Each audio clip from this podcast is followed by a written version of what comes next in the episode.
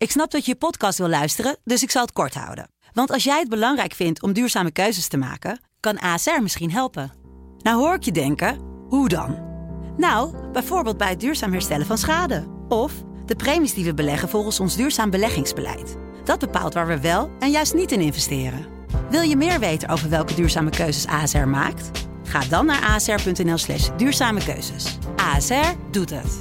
Zo, dan kan je nu lekker naar je podcast luisteren. Ben je helemaal van de pot gerukt? Dat is wel een soort, soort kruidvat waar als daar een brandende lont in wordt gegooid, dan ontploft de boel. Je krijgt wel een soort economie van stilstand, behouden wat je hebt. Dit is Kwestie van Centen. Een podcast van de Financiële Telegraaf met Martin Visser en Herman Stam. Hartelijk welkom. We hebben er weer zin in. De laatste vlak voordat wij op herfstvakantie gaan. We gaan allebei, hè, geloof ik. Ik weet niet of jij een hele week gaat, Martin. Nee, ik ga niet een hele week. Oh, nee, nee, Ik heb luxe. Ik, uh, nou, het doet ook een oh. beetje als onderzoek hè, naar Italië om te kijken hoe het daar met de rente Oh, je gaat helemaal naar Italië? Ja. Jongen, jongen, jongen. Oh, ik snap het al. Dat komt natuurlijk van die 190 euro die je krijgt van, uh, van vadertje staat. Als tegemoetkoming ja, voor jouw uh, je, energiekosten. Je, hebt uitgezocht nog, hoorde ik. Goedemorgen. Dat klopt gewoon. Ja, we hadden het vorige week over. Hè, van, uh, jouw, jouw rekening was minder dan 190 euro. En uh, ja, ja, volgens onze politieke redactie krijgt iedereen 190 euro in de maanden november en december. Lekker. Ook als je minder dan dat verbruikt. Dus dan krijg je geld toe. Nog meer uitgeven in Italië. Hier Ja. kom ik. Nee, je moet het in Nederland uitgeven. Oh ja, dat had ik, Ja. ik had beloofd hè, dat ik er iets goeds mee zou doen. Ja. Ga ik ook doen. Ga ik, doen. ik wil, eh, volgens mij zei ik je het al, van, eh, aan een sportclub. En dan vooral, eh, nou ja, om daar een beetje een sportclub in de buurt een beetje te steunen. Ja, nou, heel nobel. Ja. En nu zit ik aan vast. Daarom doe ik het ook een beetje. Nee, toch het toont meteen wel een beetje de gekkigheid natuurlijk aan. Bedoel, wij kunnen een beetje grappen over wat moeten we in vredesnaam met die 2 keer 190 euro. Terwijl tegelijkertijd natuurlijk heel veel mensen zijn, waar we het er vaak over hebben gehad, die voor gekkigheid niet weten hoe ze hun energierekening moeten betalen. Maar ja, Mhm. dat is meteen dus ook het grote dilemma geweest natuurlijk voor, voor de politiek. Ja, nu gaan we dus ook mensen steunen die het feitelijk niet nodig hebben.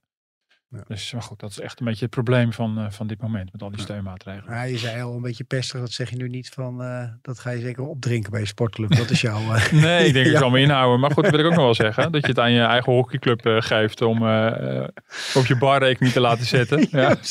Nee. Nou, dus het 2 keer 190 euro. Hoeveel avonden is dat? Nou, dat Drie avonden? kan soms snel gaan, ja. Mm. Nee, eh, ik meen het echt. Ik eh, hoop iets eh, van mensen die dan niet of minder kunnen sporten door deze crisis. Die eh, gaan we opzoeken. Daar had jij laatst een heel mooi verhaal over. Ja, Dus laten we het op die manier eh, gaan besteden. Komen we nog wel op terug, denk ik eh, zo. Maar dan eh, ter zake, want eh, je zei ook al, jeetje, het is zoveel nieuws deze weken. Van waar gaan we het allemaal over hebben? ja. Het wordt een soort potpourri. Ja. Een rondje langs de velden. potpourri. En dan beginnen Ja. met het meest actuele nieuws. Hè. Onze quasi Kwarteng ligt eraf in, in Engeland als minister van Financiën. nou Kam, onze- kamikaze.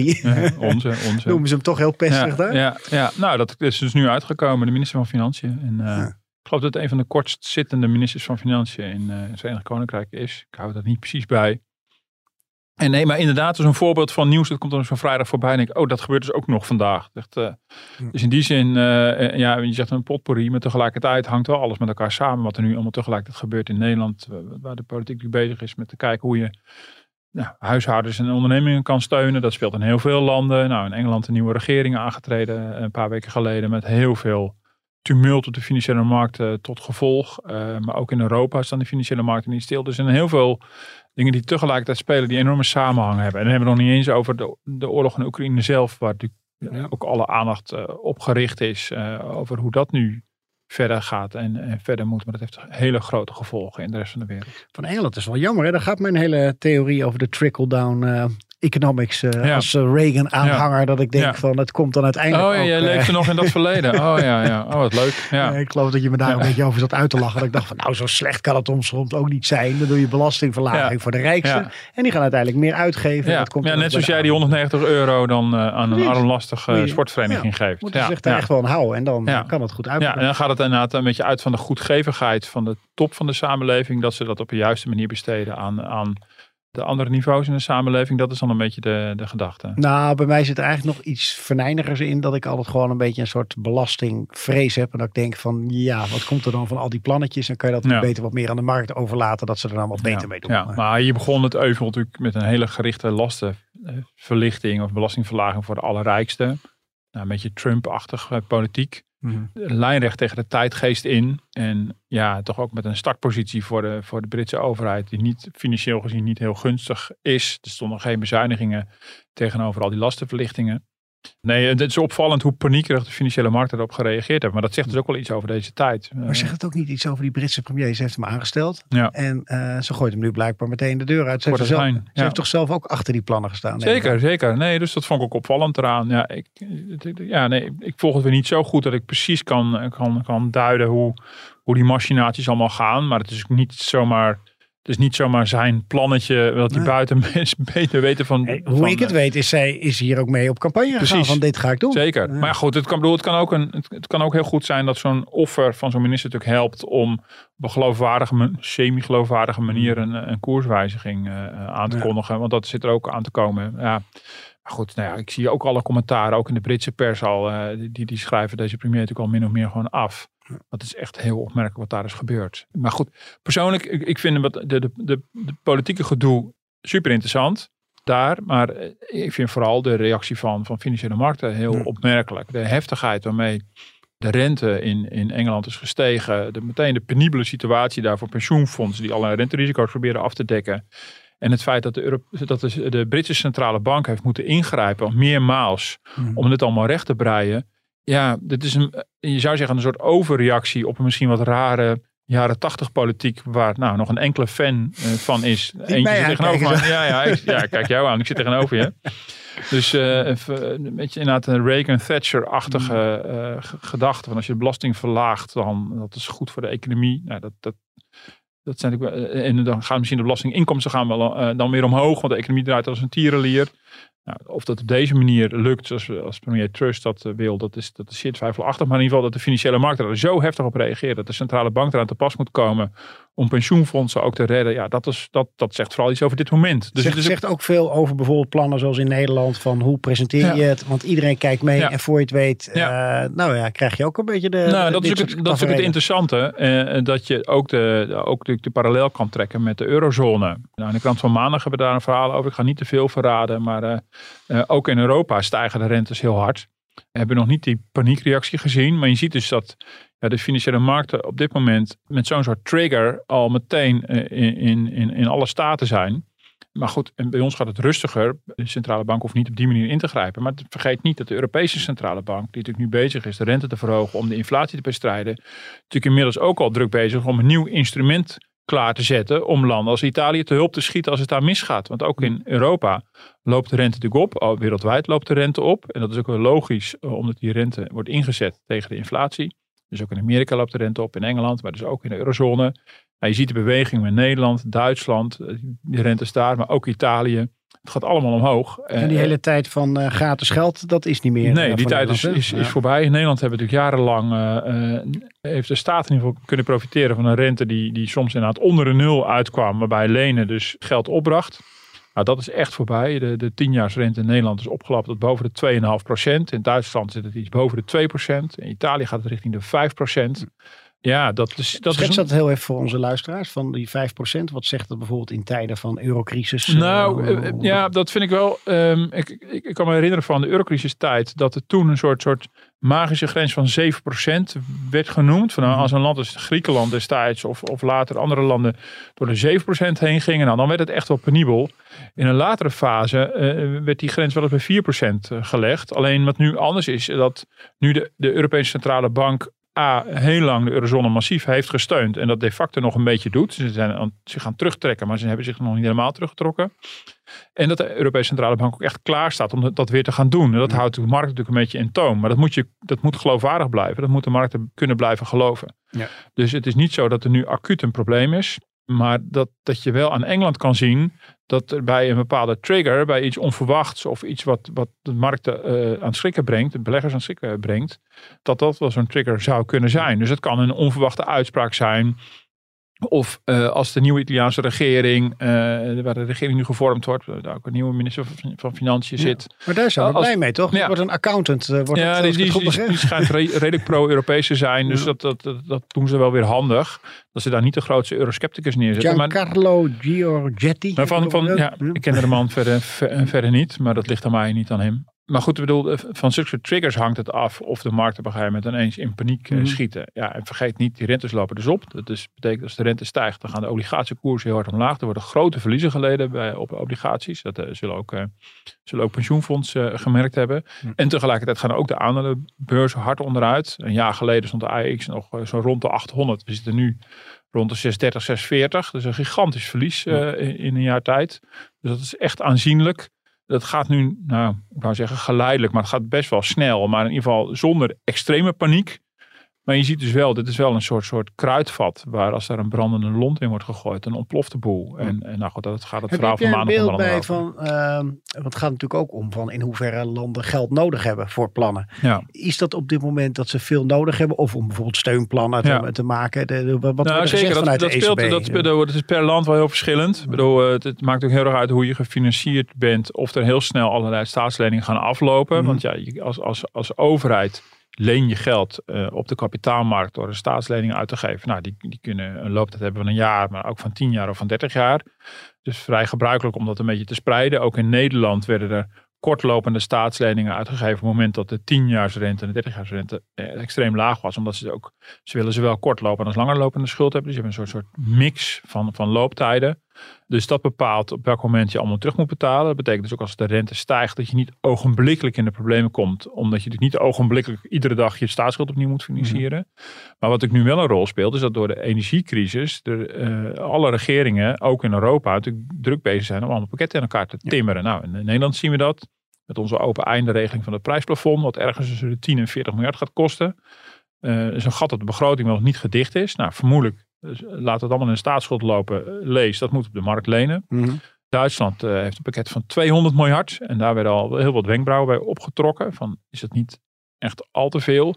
En Zuid-Europa wil natuurlijk ook zijn, zijn burgers tegemoetkomen. Want ja, iedereen merkt natuurlijk in eigen land dat de inflatie er gewoon enorm inhakt. In al die landen willen ze iets doen. Maar de vraag is of die, de, de, de Zuid-Europese landen die er veel zwakker voor staan net zoveel speelruimte hebben financieel als de, als de noordelijke Ja, landen. Dus je zit een beetje in een soort enge klem. Het wordt winter. Je hebt Ja. eigenlijk meer geld nodig voor Ja. die pakketten. En ondertussen loopt de rente op en ga je er gewoon meer voor betalen om Ja, pakketten precies. te financieren. Ja, precies. En, en voorheen was het zo dat de, de, de centrale bank natuurlijk eh, ons allemaal een handje hielp door die rente extreem laag te houden. En dat maakt het mogelijk om heel goedkoop geld op te halen. Maar die tijd is natuurlijk voorbij, want de centrale bank moet natuurlijk vooral de inflatie bestrijden. En dat doe je met een hogere rente. En die hogere rente ja, heeft gevolgen voor de staat om ze te financieren. Nou, huizenkopers heeft het Mhm. gevolgen voor. Dus op allerlei manieren ga je die hoge rente ook alweer, eh, ook alweer merken. Ja. Eh, En, en, en ondertussen in Italië, ik ben ook geen, geen Italiaans expert, ook al ga ik op vakantie volgende week. Maar daar willen ze volgens mij ook iets met die belastingverlagingen gaan doen. Ja, En, natuurlijk. eh, Ja. eh, Zie jij, zie jij eh, gebeuren dat de komende weken ze ook zo onder de loep komen, zoals bijvoorbeeld nu bij de, in Groot-Brittannië? Nee, gebeurd? dat is, dus, dat is wel heel lastig om te zeggen. Ik bedoel, eh, eh, kijk, het scheelt alweer. Kijk, eh, eh, het Verenigd Koninkrijk is- staat ook echt heel erg op zichzelf. Daar is het, en wij zitten met z'n allen in een eurozone. Dus dan heb je goede risico's en slechte risico's in de mix, zeg maar. Dat helpt al wel. Al heb je natuurlijk wel een Italiaanse rente en een Duitse rente. Dus op zich heeft wel elk land zijn eigen staatsleningen.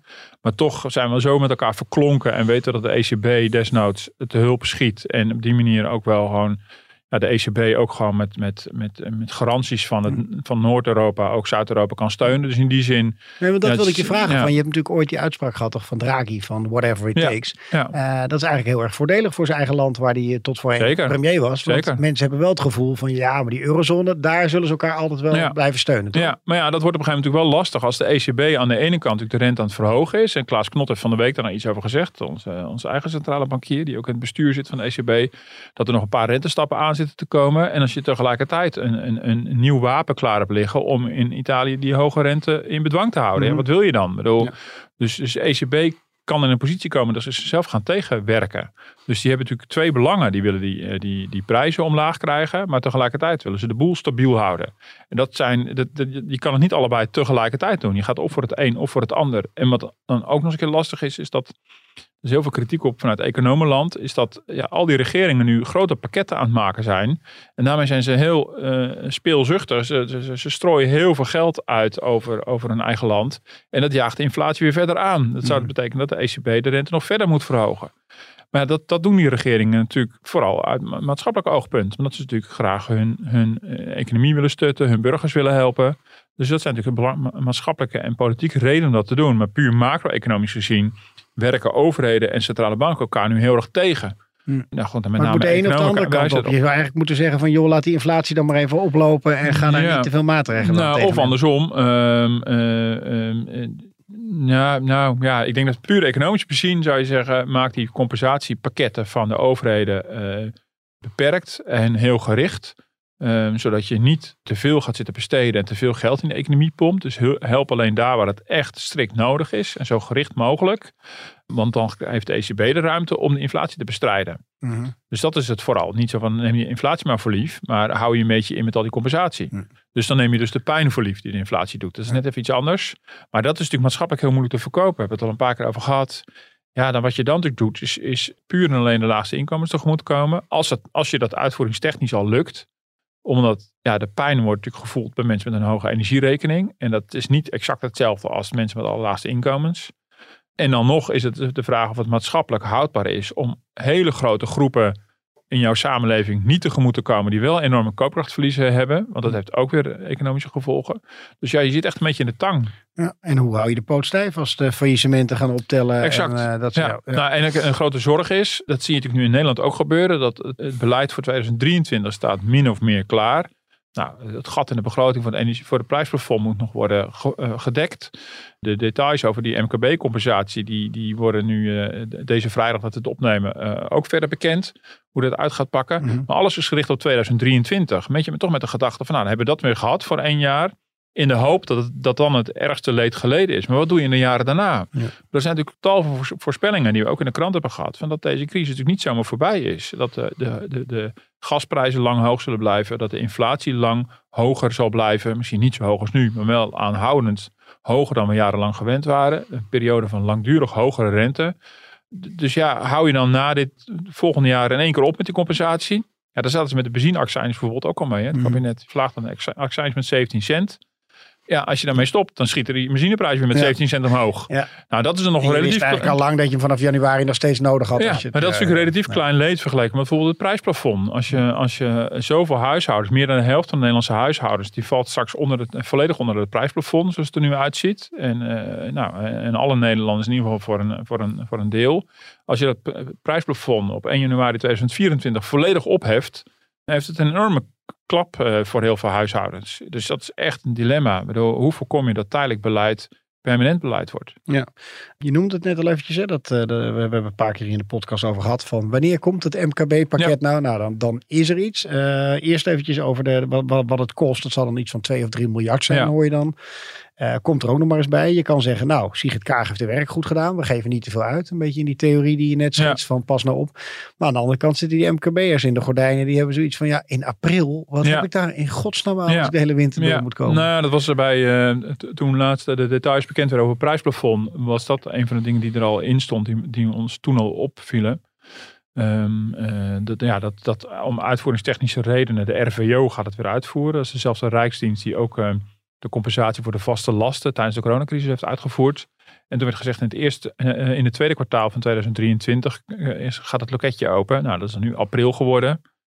Eh, het had ook juni kunnen zijn. Het tweede kwartaal duurt langer dan één maand. Hmm. Maar ehm, ja, Nog erger. Ja. ja, dus, eh, ja, dus dan, dan is het toch het idee van ja, de ondernemer weet dan zogezegd waar hij aan toe is, moet, moet er alleen wel een hele poos op wachten. Ja. Zullen we even luisteren naar die ondernemers die bij eh, Radio 1 eh, al hun reactie erop gaven? Het kan niet waar zijn wat ze nu voorstellen. Wordt er 12,5% eis eh, ten opzichte van je omzet eh, een vaste eis, dan eh, valt onze hele branche daar buiten. De gemiddelde energiekosten zijn 1%. En als je nu naar 6 of 7% gaat, dan heb je dus enorme kostenstijging. Alleen ja, je haalt die 12,5% niet. Dus ik denk dat wij maar het advies weer gaan geven. Doe je deuren maar open en ga maar lekker energie eh, verstoken. Moet ik in de laatste half jaar moet ik de open gewoon dag en nacht open laten staan om aan die 12,5% te komen. Het slaat gewoon helemaal nergens op. We hebben iets bedacht waar eh, volgens mij de oplossing niet ligt. Ja, ik herken de stem van eh, Jan Meerman van In Retail, die al Ja. heel veel jaren op die plek zit. En hij schrok volgens mij een beetje van zijn opmerking van we doen de deuren wel open, want dan halen we die 12,5 procent. Ja, als je, precies. Het was be- ben, geloof ik bedoeld als bewijs van spreken. Maar, ja, eh, maar hij je dacht, oh jee, wel, daar ga eh, ik wel heel veel gedoe over krijgen. Maar ik snapte wel een beetje Ja. wat hij bedoelt. Want je moet 12,5 procent van je van omzet, je omzet moet dan moet energiekosten ja, precies. opgaan. Ja. En dan krijg je pas, eh, kom je in aanmerking voor die regelingen. Ja. En waarbij hij dan zegt van ja, dan kan, eh, kan je beter de deur openzetten, dan, dan halen we die 12,5 Ja, als je net onder die 12,5% zit, dan moet je even extra stoken om eraan te komen. is toch precies niet wat je wil. Dat, men, Nee. dat ondernemers er zo op reageren. Dan kom je met een pakket en dan Ja. is het een en al kommer en kwel nog steeds. Ja, maar wat wil je dan?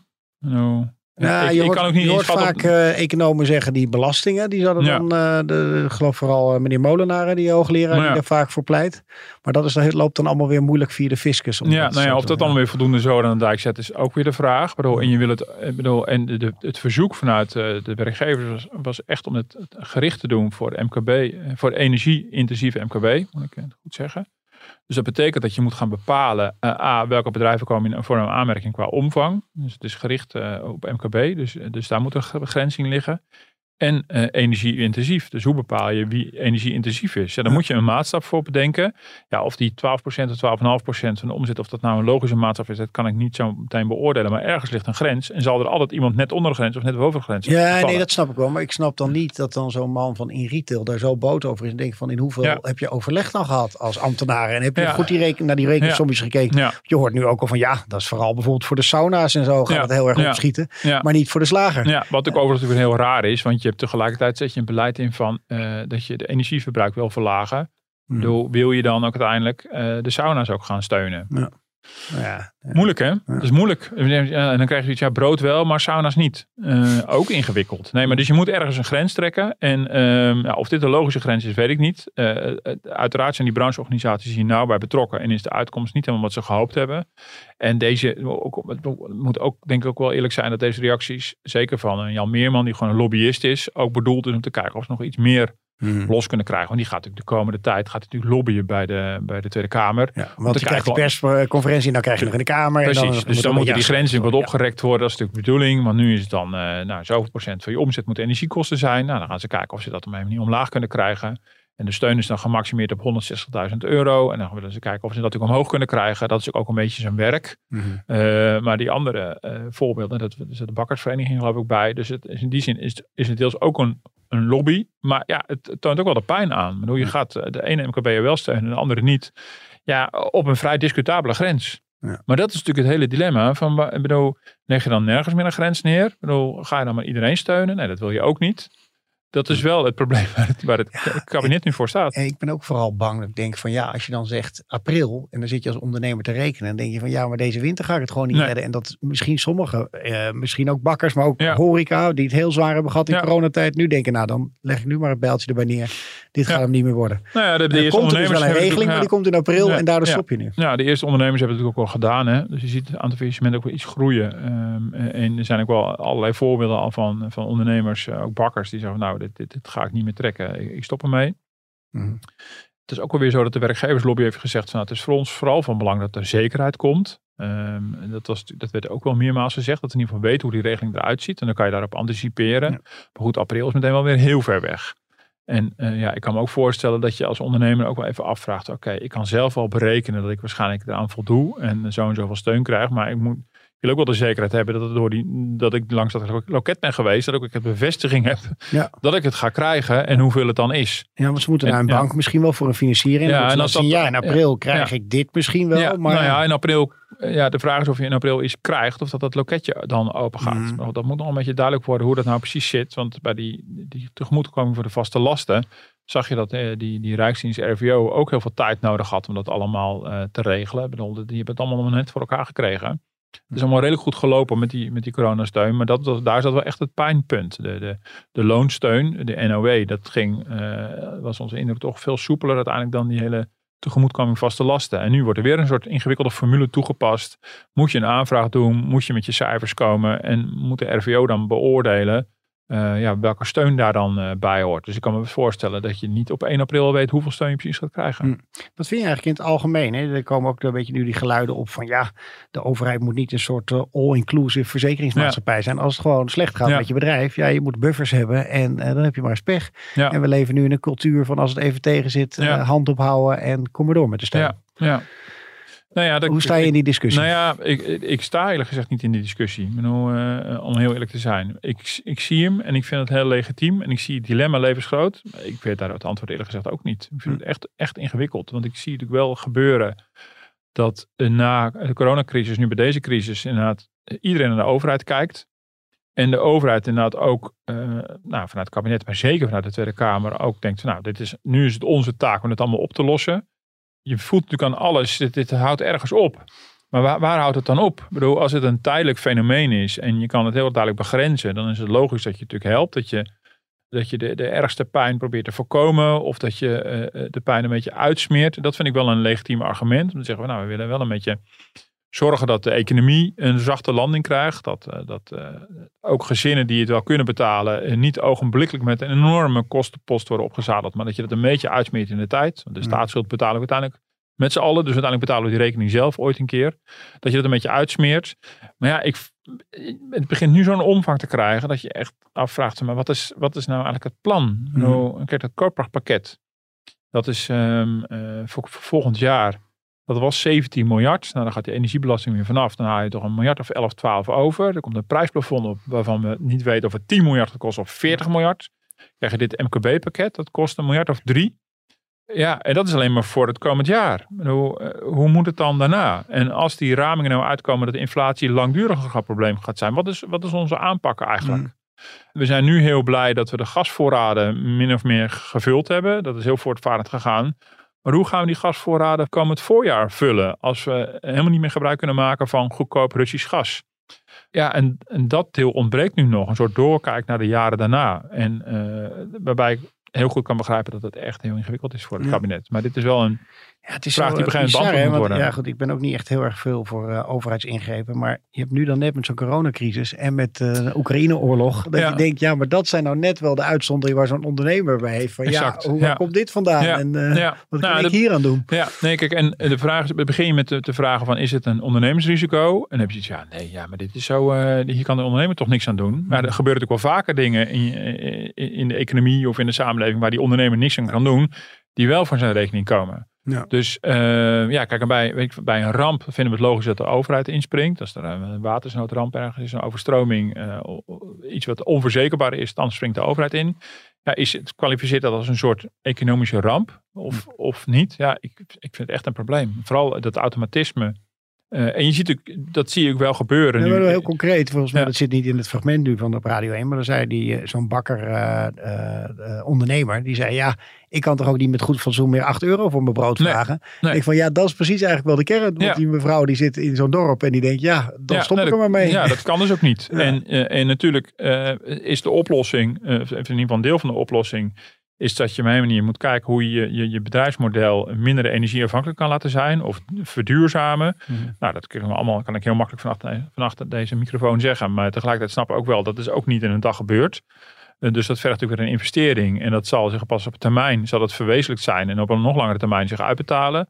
Uh, maar je moet wel op, op een manier op zoek naar zodanige steun dat je wel die verduurzaming en die verlaging van energieverbruik blijft stimuleren. En de vraag is wat dat er nu onder zit. Dat, dat is met het prijsplafond uh, ik was erg voor het prijsplafond. Maar nu ik zie hoe ruim dat wordt en hoeveel geld dat gaat kosten en hoeveel mensen eronder vallen, denk ik ja, maar wordt het nu zo langzaam niet een beetje te groot? En uh, is het wel logisch om en een corporate te hebben en dat prijsplafond? Uh, maar dat komt ook een beetje doordat het kabinet zo traag reageert. Dat ze steeds achter de feiten aanlapt. En ja, steeds reageert op het hele koopkrachtpakket alweer vergeten. Ja, en, en, en, precies. Nou, dat, die ja. discussie speelde natuurlijk eerder. Want in augustus zaten we met z'n allen te roepen. Het kabinet doet helemaal niks mm. voor dit lopende jaar. Maar ze hadden natuurlijk al heel veel gedaan. Dat kost ook al bijna 7 miljard. De verlaging van de energiebelasting, verlaging van BTW. Uh, maar wij niet hadden het idee dat het buitenland doet van alles. En wij doen helemaal niks. Maar dat was natuurlijk niet. Dat, dat waren we in die zin alweer bijna vergeten.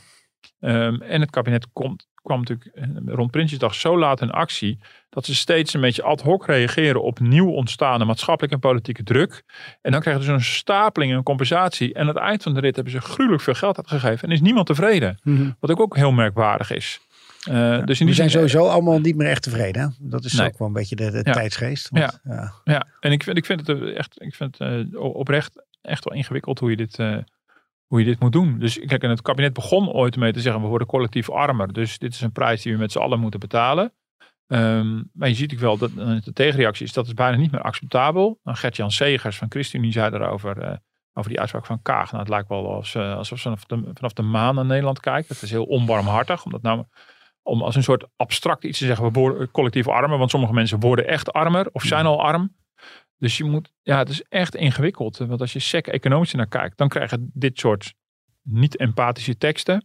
Uh, en als je helemaal op de empathische toer gaat, dan houdt die steun nergens meer op. Die mm. gaat maar door en gaat maar door. Dus dat is, uh, ja, ik, ik, maar goed, zoals ik zei, ik heb daar niet zomaar een, een, een oplossing voor. Uh, Hm. Behalve dan dat je op mijn manier moet proberen om het te zien in een, in een langer plan. En net als met corona heb ik het ook vaak gezegd, werk in scenario's. Dat zie je de overheid ook bijna niet doen. Van denk nou na van wat nou als de inflatie na komend jaar, als het probleem is opgelost. Nou, dan is het pakket prima. Mhm. Maar wat nu als het heel lang aanhoudt? Hoe, hoe gaan we dan precies te werk? En laat dat ook al weten. En, de mensen. En laat het daar, weten, eh, ja. Hoe, dat hoe, ga je goed. hoe denk je dit af te gaan bouwen? En het, het kabinet, de, de Kamer worstelt er ook mee hoor. Eh, Zaterdag een verhaal in de krant met, eh, met eh, Leon Brandsma, een collega in, in Den Haag. Ook over die steunverslaving. En je ziet, je voelt aan alles, ook coalitiepartijen, Kamerleden, die worstelen ontzettend met dit dilemma. Die snappen natuurlijk ook wel van ja, dit kan niet zo door blijven gaan. Mhm. En niet meteen omdat het allemaal onbetaalbaar wordt. Maar je maakt ook een hele economie totaal afhankelijk van, van, van de overheid. Ehm, dat is iets wat, nou goed, wat eh, Arnoud Boot, hoogleraar aan de UvA, onder andere ook zegt. Van ja, alles wat, alle bestaande bedrijvigheid hou je in de lucht. En het nieuwe, het innovatieve, het vernieuwende krijgt geen kans en geen ruimte. Dat hebben we met corona gedaan om hele goede redenen. En nu doe je het weer met hele goede redenen. Maar je krijgt wel een soort economie van stilstand. Behouden wat je hebt. Helder. Hey, tot slot wilde ik nog heel even kort. Ik had de potpourri aangekondigd, maar dat Ja. was ook wel koren op mijn molen natuurlijk. Koen Teulings die je deze week had. Oh ja. Met, eh, nou ja, we zijn een beetje doorgeslagen in eh, het nivelleren in Nederland. Dat, eh, Ja. dat lees ik toch altijd graag, eh, dat soort interviews.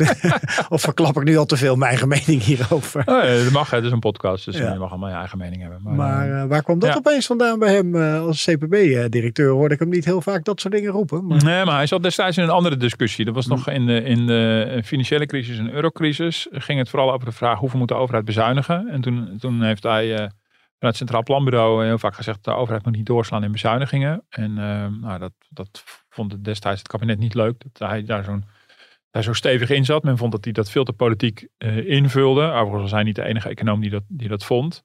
Ja, en nu, eh, dus toen, toen beschoot hij het kabinet vanuit links. En nu beschiet hij het kabinet ja, vanuit rechts. Dat is ook wel opvallend. Eh, ik denk dat hij het zelf heel consistent eh, vindt.